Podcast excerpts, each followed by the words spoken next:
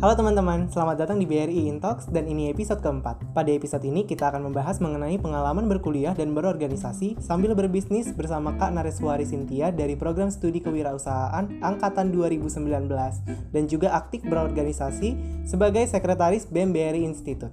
Kak Nares juga sekarang berbisnis dengan membuka kafe dan telah berjalan selama kurang lebih 6 bulan. Halo Kak Nares. Halo Kak David. Kak Nares apa kabarnya?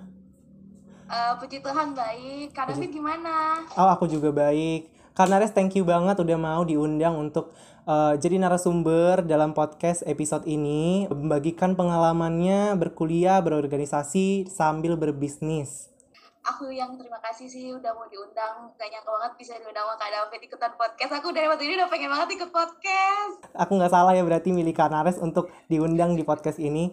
Kanares gimana nih kondisi karena uh, gimana nih PPKM untuk Kanares kuliah deh kayak dulu ya. Iya PPKM ini sebenarnya kan gimana ya Kak David? Semua orang juga kena dampaknya. Kalau menurut aku pribadi PPKM ini tuh benar-benar sedikit memberikan pressure yang teramat sangat karena satu kuliah itu jadi online menurut aku yang itu sangat tidak bukan tidak sih sangat kurang kondusif. Iya, iya. Karena yang biasanya kita harus ada praktek, harus ada ketemu tatap muka dengan para dosen itu tiba-tiba harus online semua full online tuh yang kayak benar-benar sakit hati banget sih sama ppkm ini kan terutama sama covid itu asal mulanya kemudian uh, untuk masalah ketemu teman-teman juga so sad banget. Kita nggak nggak bisa ketemu langsung. Kita nggak bisa cerita nggak bisa berbagi Betul. pengalaman lagi secara langsung. Nah itu kan feelnya berbeda dengan kita ketemu kayak lagi ngezoom gini atau chatan. Itu kan beda ya feelnya kan. Mm -hmm. pokoknya benar-benar bikin aku sedih dah pokoknya. Iya aku sendiri juga merasakan hal yang sama sih Kanares karena aku juga uh -huh. ya ampun beda banget gitu feelnya betul yang kata Kanares bilang gitu feel dengan yang langsung dengan online itu berbeda banget dan aku udah nggak ya. uh, dan aku udah menantikan banget untuk dalam waktu dekat sekiranya kita boleh gitu ya untuk berkuliah kembali ya, secara ya, offline. Ya. Amin amin amin. Karena Ares ini kan mulai bisnis uh, dari tahun lalu gitu ya, akhir tahun lalu itu mulai dari jualan uh, nasi mentai gitu ya.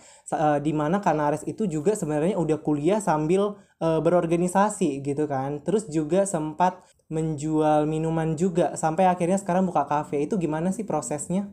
Oke, prosesnya awal mulanya tuh sebenarnya nasi menta ini idenya temen aku kan aku karena bareng sama temen aku iya awalnya itu kita nyoba nih nyoba-nyoba bikin nasi mentai karena temen aku udah punya basic di mentai dia udah tahu resep apa udah tahu kayak udah pernah lah bikin mentai gitu kan jadi kayak mm. udah tahu yang enak gimana aku kayak kenapa nggak dicoba jualan aja buka kasih kecilan kita open PO nah iya. ternyata yeah. temen aku tuh mau nah and then uh, akhirnya itulah nyoba kita kan. Aku bikinnya kan di rumah di rumahnya dia. Mm-hmm. kita mulai dari teman-temannya dia dulu karena uh, waktu itu kan aku istilahnya teman aku masih sedikit nih. Aku mm-hmm. kan anak rantau nih kak David. Aku dari Bali tapi aku kuliah di Jakarta. Aku ngerantau jadi uh, harusnya kan mostly teman-teman aku di Bali di Jakarta tuh aku kurang lebih baru kenal teman-teman kampus doang kan. Yeah. nah sedangkan teman aku ini emang asli Jakarta. Ya makanya kita start dari teman-temannya dia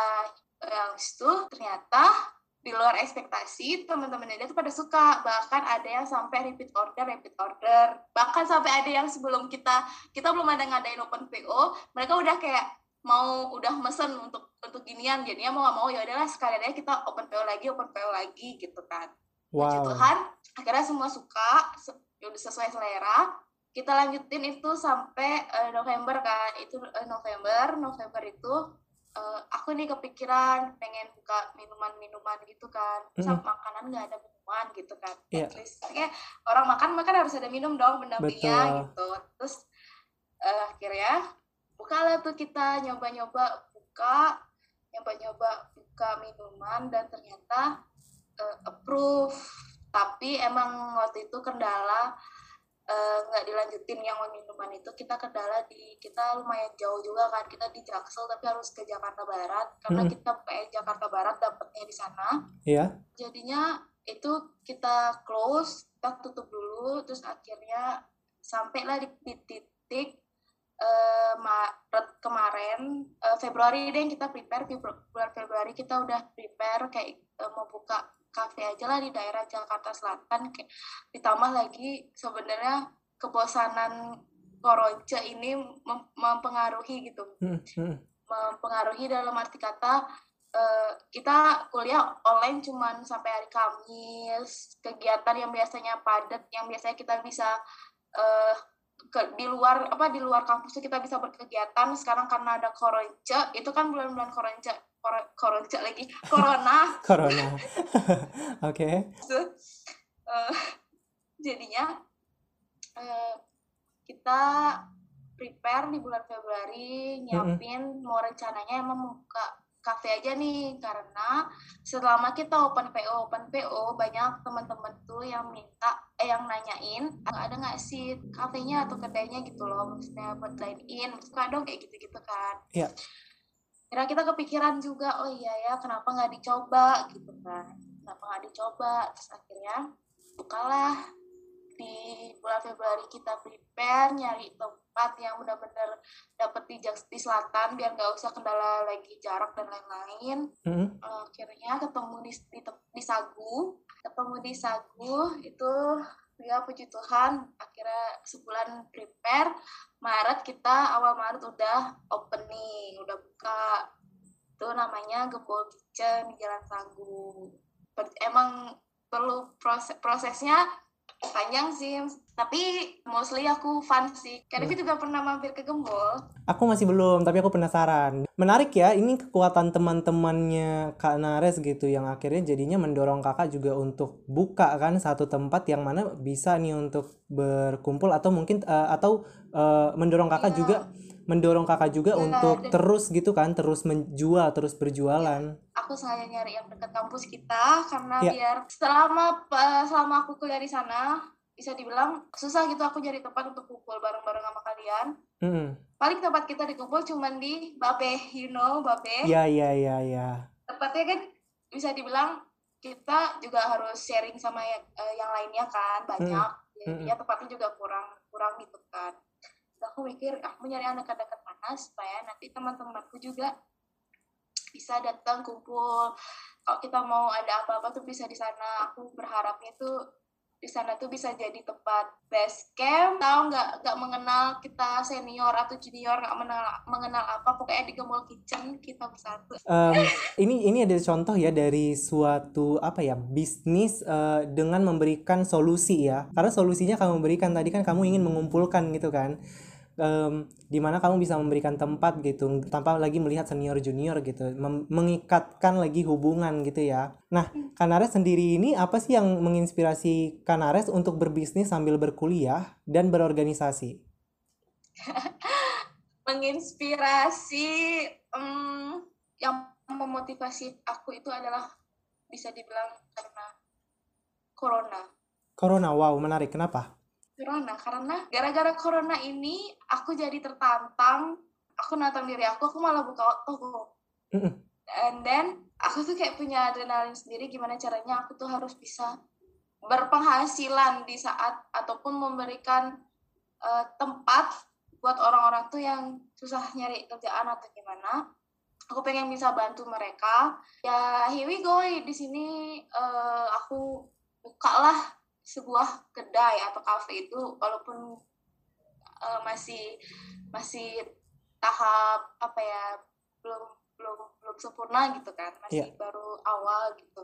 Terus juga um, kalau dibilang ada sosok yang sosok sosok yang paling menginspirasi maybe papaku.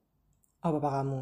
Papaku karena he really support me about everything kayak mau aku ngapain dia selalu support mau aku bikin ini dia support mau kayak aku pengen membanggakan dia dengan apa yang aku udah capai aku pengen balas semua supportnya dia tuh dengan nanti hasil yang aku dapetin dari sini itu semoga aja bisa bikin dia bangga punya anak kayak aku walaupun aku sedikit bandel gitu kak David Wow, keren banget nih Kanares motivasi dan inspirasinya. Um, tapi Kanares sendiri ini gimana? Oh, terjun ke bisnis-bisnis gini apa memang baru di kuliah aja atau memang sejak sebelum kuliah gitu? Dan apa yang membuat Kanares tertarik banget akhirnya ke bisnis makanan? Sebenarnya pelajaran kewirausahaan atau nggak pelajaran kayak gini tuh aku udah dapet dari tempat SMP, SMA itu aku ada matkul yang kayak gini ya. Namanya tuh kayak seni budaya kayak gitu, kan nah sebenarnya aku tuh uh, udah mulai nyoba-nyoba kayak bisnis. Bisnis itu kan bisa dibilang kayak jualan gitu kan ya. Bisnis bisnis tuh dari SMP aku udah tahu. Karena sempat ada pelajarannya. Dari SMP S1 sempat dapat pelajaran kayak kita uh, seni budaya tuh disuruh bikin produk, terus itu gimana cara kita uh, selling produk, marketingnya gimana, kayak gitu-gitu jadinya. Nah, output yang kita dapetin itu kan cuan. Mm-hmm. Nah, ketika kita mendapatkan cuan, itu kita senang. Nah, aku sih, aku pribadi itu aku senang karena uang ini bisa aku pakai untuk pribadiku sendiri gitu loh. Kayak us hasil keringat aku sendiri nih loh untuk diriku sendiri. Jadi kalau ditanya sebenarnya mulai kapan udah terjun ke dunia bisnis sebenarnya dari dulu tuh udah nyoba kecil-kecilan mau jadi reseller lah aku sempat jadi reseller reseller kayak uh, body kayak gitu. Atau head reseller uh, waktu ini uh, makanan cemilan-cemilan itu mm. sempat juga aku jualan sendiri. Uh, ada cookies cookies cookisan kemudian ada beberapa makanan kayak spaghetti kayak gitu gitu salah satu impian aku aku pengen jadi seorang entrepreneurship perempuan yang sukses ke depannya sekarang. Amin. Uh, kurang lebih sih kayak gitu sih kadang tapi ini keren ya Kanares karena sejak SMA gitu udah ada udah ada kemauan gitu untuk uh, mandiri dalam menghasilkan gitu ya untuk diri sendiri juga gitu kan. Semoga apa yang Kak Nares impikan itu dapat tercapai ya. Amin amin amin. Nah, tapi sebelum memulai bisnis itu, Kanare sendiri ini ada ketakutan dan rasa gengsi gitu nggak? Bagaimana kamu dalam mengatasinya? Setiap orang pasti punya rasa takut sih. Kalau, aku pribadi, itu yang buat kamu tuh be better dari sebelumnya. Aku dulu emang sempet kayak ngerasa takut. Aduh, takut kayak lo nggak suka nih makanannya gimana ya. Aduh, takut nanti nggak ada yang beli gimana ya. Aduh, aduh, aduh. Pokoknya banyak aduhnya, aduhnya, aduhnya tapi ternyata setelah dijalanin kayak itu nggak seburuk yang kamu pikirin gitu loh e, rasa takutmu tuh nggak seburuk apa yang kamu expect ternyata itu di luar kendali kamu ternyata e, makanannya enak ya ternyata orang-orang pada suka ternyata semua yang menerima apa yang kamu buat gitu kan jadi sebenarnya rasa takut tuh just let it flow let it go and kamu tuh cuma harus jalanin aja hadapin jalanin dan terima aja nanti hasilnya gimana Iya, iya, iya, iya. Ketakutan ini sering kali memang membuat alasan-alasan ya yang jadinya membuat kita juga jadi enggan ya. untuk maju ke depan gitu. Padahal juga kita belum oh. tahu nih pastinya ke depan nih bakalan bagaimana. Ya. Karena kan bisa aju jadi Ada cuma stigma stigma negatif dari otak kamu yang kayak iya. aduh ya. aduh jadi di sini tuh kayak udah ke doktrin negatif negatif negatif. Coba deh coba kamu kayak ngomongnya tuh lebih ke afirmasinya tuh yang ke positif. Step-step apa aja yang kamu lakukan dalam menjalankan bisnis ini? Bisa dibilang lebih dipermudah ya karena kan sebelum juga udah pernah buka uh, dan open juga jadi udah uh, untuk prepare bahan-bahan atau alat tuh udah oke okay. terus tinggal nyari tempat nih nyari tempatnya juga uh, waktu itu akhirnya ketemunya di Jalan Sagu itu karena menurut kita juga strategis dari segi uh, jarak dari kosan gua dari rumah teman gua dan juga di lingkungannya juga oke okay, gitu kan terus prepare uh, uh, prepare selain gue jualan mentai gue mau jualan apa lagi nih kalau kan kalau udah buka kayak gitu saya sayang aja kan cuma buka uh, satu makanan dan minuman gitu gue pengen itu jadi tempat kumpul anak-anak kumpul teman-teman gue bisa dibilang buat base camp itu kan pasti mereka mungkin jarang makan nasi atau makan berat lah pasti pengennya yeah. nyemil dong mm. nah, akhirnya gue buka lah gue cemilannya gue beberapa snack di sana kan yeah. yang pastinya um, masuk ke lidah anak-anak muda karena emang target pasar gua itu anak-anak muda gitu, anak-anak sekolahan gitu. Iya, oh, berarti memang dari awal juga udah rencanain ya menu-menu apa lagi nih yang mau ditambah gitu ya supaya eh, bisa sesuai sama em, customernya kakak gitu, eh, customernya kakak gitu Iya, ya, yang tadi anak muda gitu, Eh, Iya. anak-anak eh, kampus kita gitu ya. Nah. Bagaimana sih kamu dalam mengatur waktu buat itu semua? Kuliah, berorganisasi, bahkan berbisnis. Gimana tuh kak? Eh, jujur sih dari aku pribadi, kalau ditanya cara mengatur waktunya tuh lebih ke let it flow. Oh. kayak let it flow tapi tetap eh, kayak tetap tanggung jawab apa yang harus aku kerjain gitu. Eh, contoh misalnya aku kuliah, waktunya aku kuliah, ya udah aku kuliah aja. Kuliah, ada tugas aku kerjain tugasku, ada organisasi, ada rapat. Kalau nggak eh, ada kepentingan yang lain aku ikut rapat ada panggilan darurat dari bapak ketua tersayang eh, jadi mau nggak mau ya oke eh, turutin jadi kayak apa pun yang misalnya aku kalau aku salah tipikal orang yang kalau disuruh nih dikejar-kejar oke aku lakuin itu sekarang tapi kalau misalnya menurut kalau dari aku nih disuruh milih yang mana prioritasku kalau misalnya emang itu belum ya nggak bakal aku kerjain gitu loh maksudnya Iya. ih keluar logat balikku terus eh, udah gitu tapi ngerti nggak sih paham kan maksudnya Iya. gimana kayak kalau disuruh harus disuruh kalau emang itu penting buat dia gitu misalnya nyuruh aku itu penting buat dia dia harus nyuruh aku kalau misalnya dia nggak ada nyuruh ya udah menurutku itu nggak penting itu kalau aku tuh gitu jadinya makanya aku tuh punya eh, job deskku sendiri aku punya apa yang harus aku kerjain sendiri Nah iya, em, kamu berarti tipe yang kayak dengan kamu disuruh itu, kamu jadi tahu kalau itu tuh urgent dan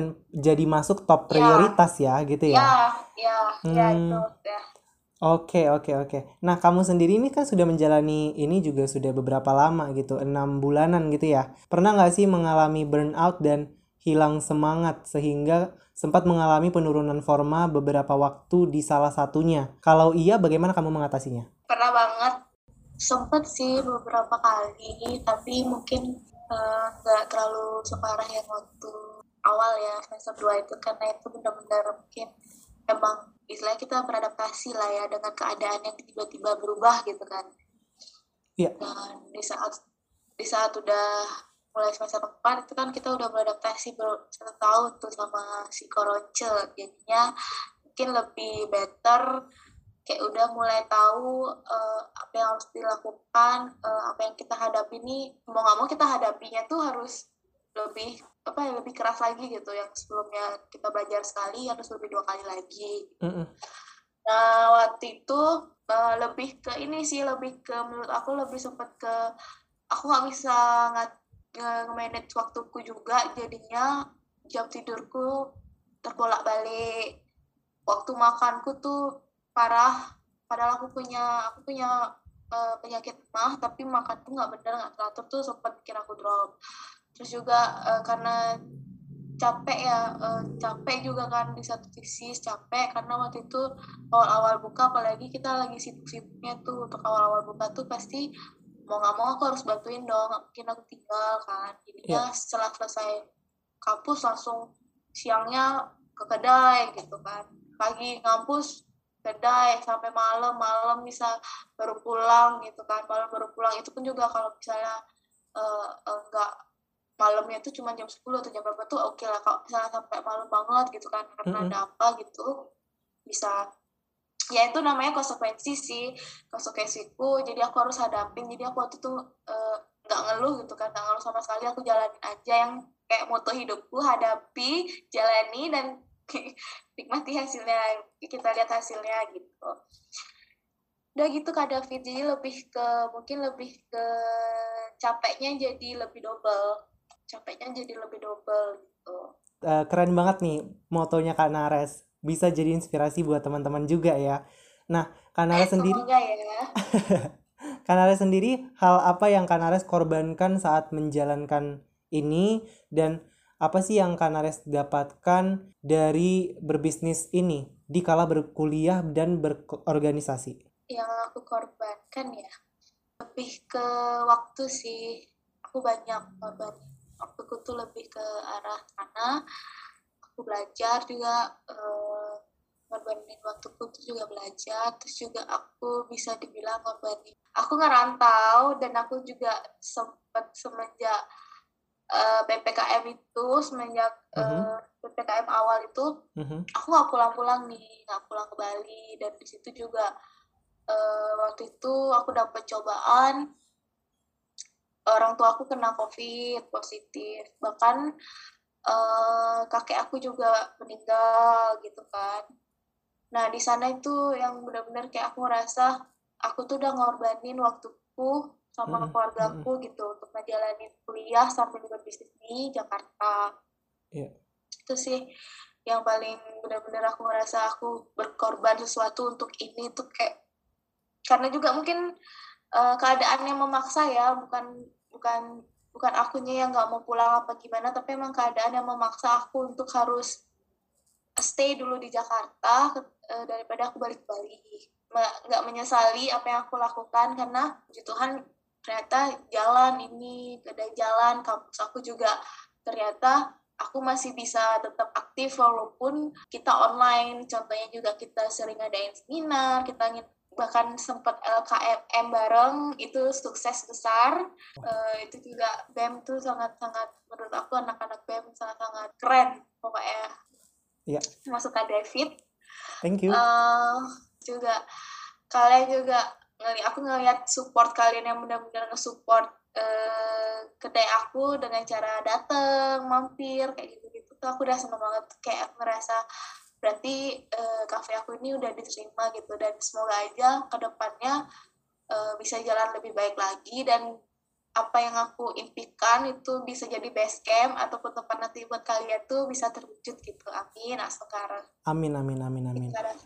Iya. Nah pada akhirnya memang kita harus menerima ya segala sesuatunya menerima emang apa yang menjadi resiko untuk kita gitu. Karena kita juga sudah memutuskan ya. dan kita juga memang pasti kita juga dihadapkan dengan sesuatu yang kita juga bingung gitu. Dan pada dan akhirnya kita juga harus mengorbankan salah satunya gitu. Tapi memang Kanara sendiri juga mengorbankan itu bukan untuk sesuatu hal yang main-main gitu atau yang kayak yeah. yang main-main gitu tanpa ala, tanpa apa alasan-alasan yang tidak tidak jelas gitu kan. Yeah, hadapi jalanin yeah. dan tinggal Kan harus ini pertanyaan terakhir. Apa pesan untuk teman-teman yang mau memulai berbisnis di tengah kegiatan kuliah dan berorganisasinya? Mending jangan. oh, enggak, enggak, enggak, enggak. Hmm, okay. Kalau misalnya emang benar-benar uh, udah yakin banget, udah mau udah mau banget nih, udah keyakinan udah dalam diri banget niat mau oke okay, jalan uh, oke okay, wujudin aja apa yang kamu mau apa yang kamu yakinin bakalan bisa tentunya dengan beberapa mungkin prepare sebelumnya jangan langsung langsung aja tapi prepare. Terus usahain kalian udah bisa memanage waktu dengan baik dan benar supaya tidak kalang kabut. Ah yang paling penting mental. Siap-siap mental. mental kalian tuh bakalan diuji karena di satu sisi kalian harus kuliah fokus tapi di satu sisi belum tentu uh, bisnis kalian tuh lancar. Jadi siap-siapkanlah mental mental kalian. Apa pun masalah yang kalian dapat, pokoknya hadapin, jalanin, dan ditunggu hasilnya. Oke. Okay. berkehendak ke Tuhan Yang Maha Esa. Pokoknya jangan lupa untuk berdoa juga. Oke, pesan dari Kanaris teman-teman, jangan lupa untuk uh, melakukan persiapan, terus juga miliki keyakinan, asah mental kita, persiapkan juga mental untuk menghadapi ke depannya, dan jangan lupa ada kuasa doa di sana dan berserah ke Tuhan ya, ke Tuhan yang Maha Esa. Yep. Oke deh, terima kasih Kanares sudah membagikan pengalaman dan ilmunya mengenai berkuliah, berorganisasi sambil berbisnis. Semoga ini dapat menginspirasi teman-teman yang ingin memulai bisnisnya di tengah kuliah dan berorganisasi. Teman-teman, terima kasih telah mendengarkan podcast ini hingga akhir. Saya David Hamonangan dan saya Naresori Cynthia. Sampai jumpa. Bye-bye.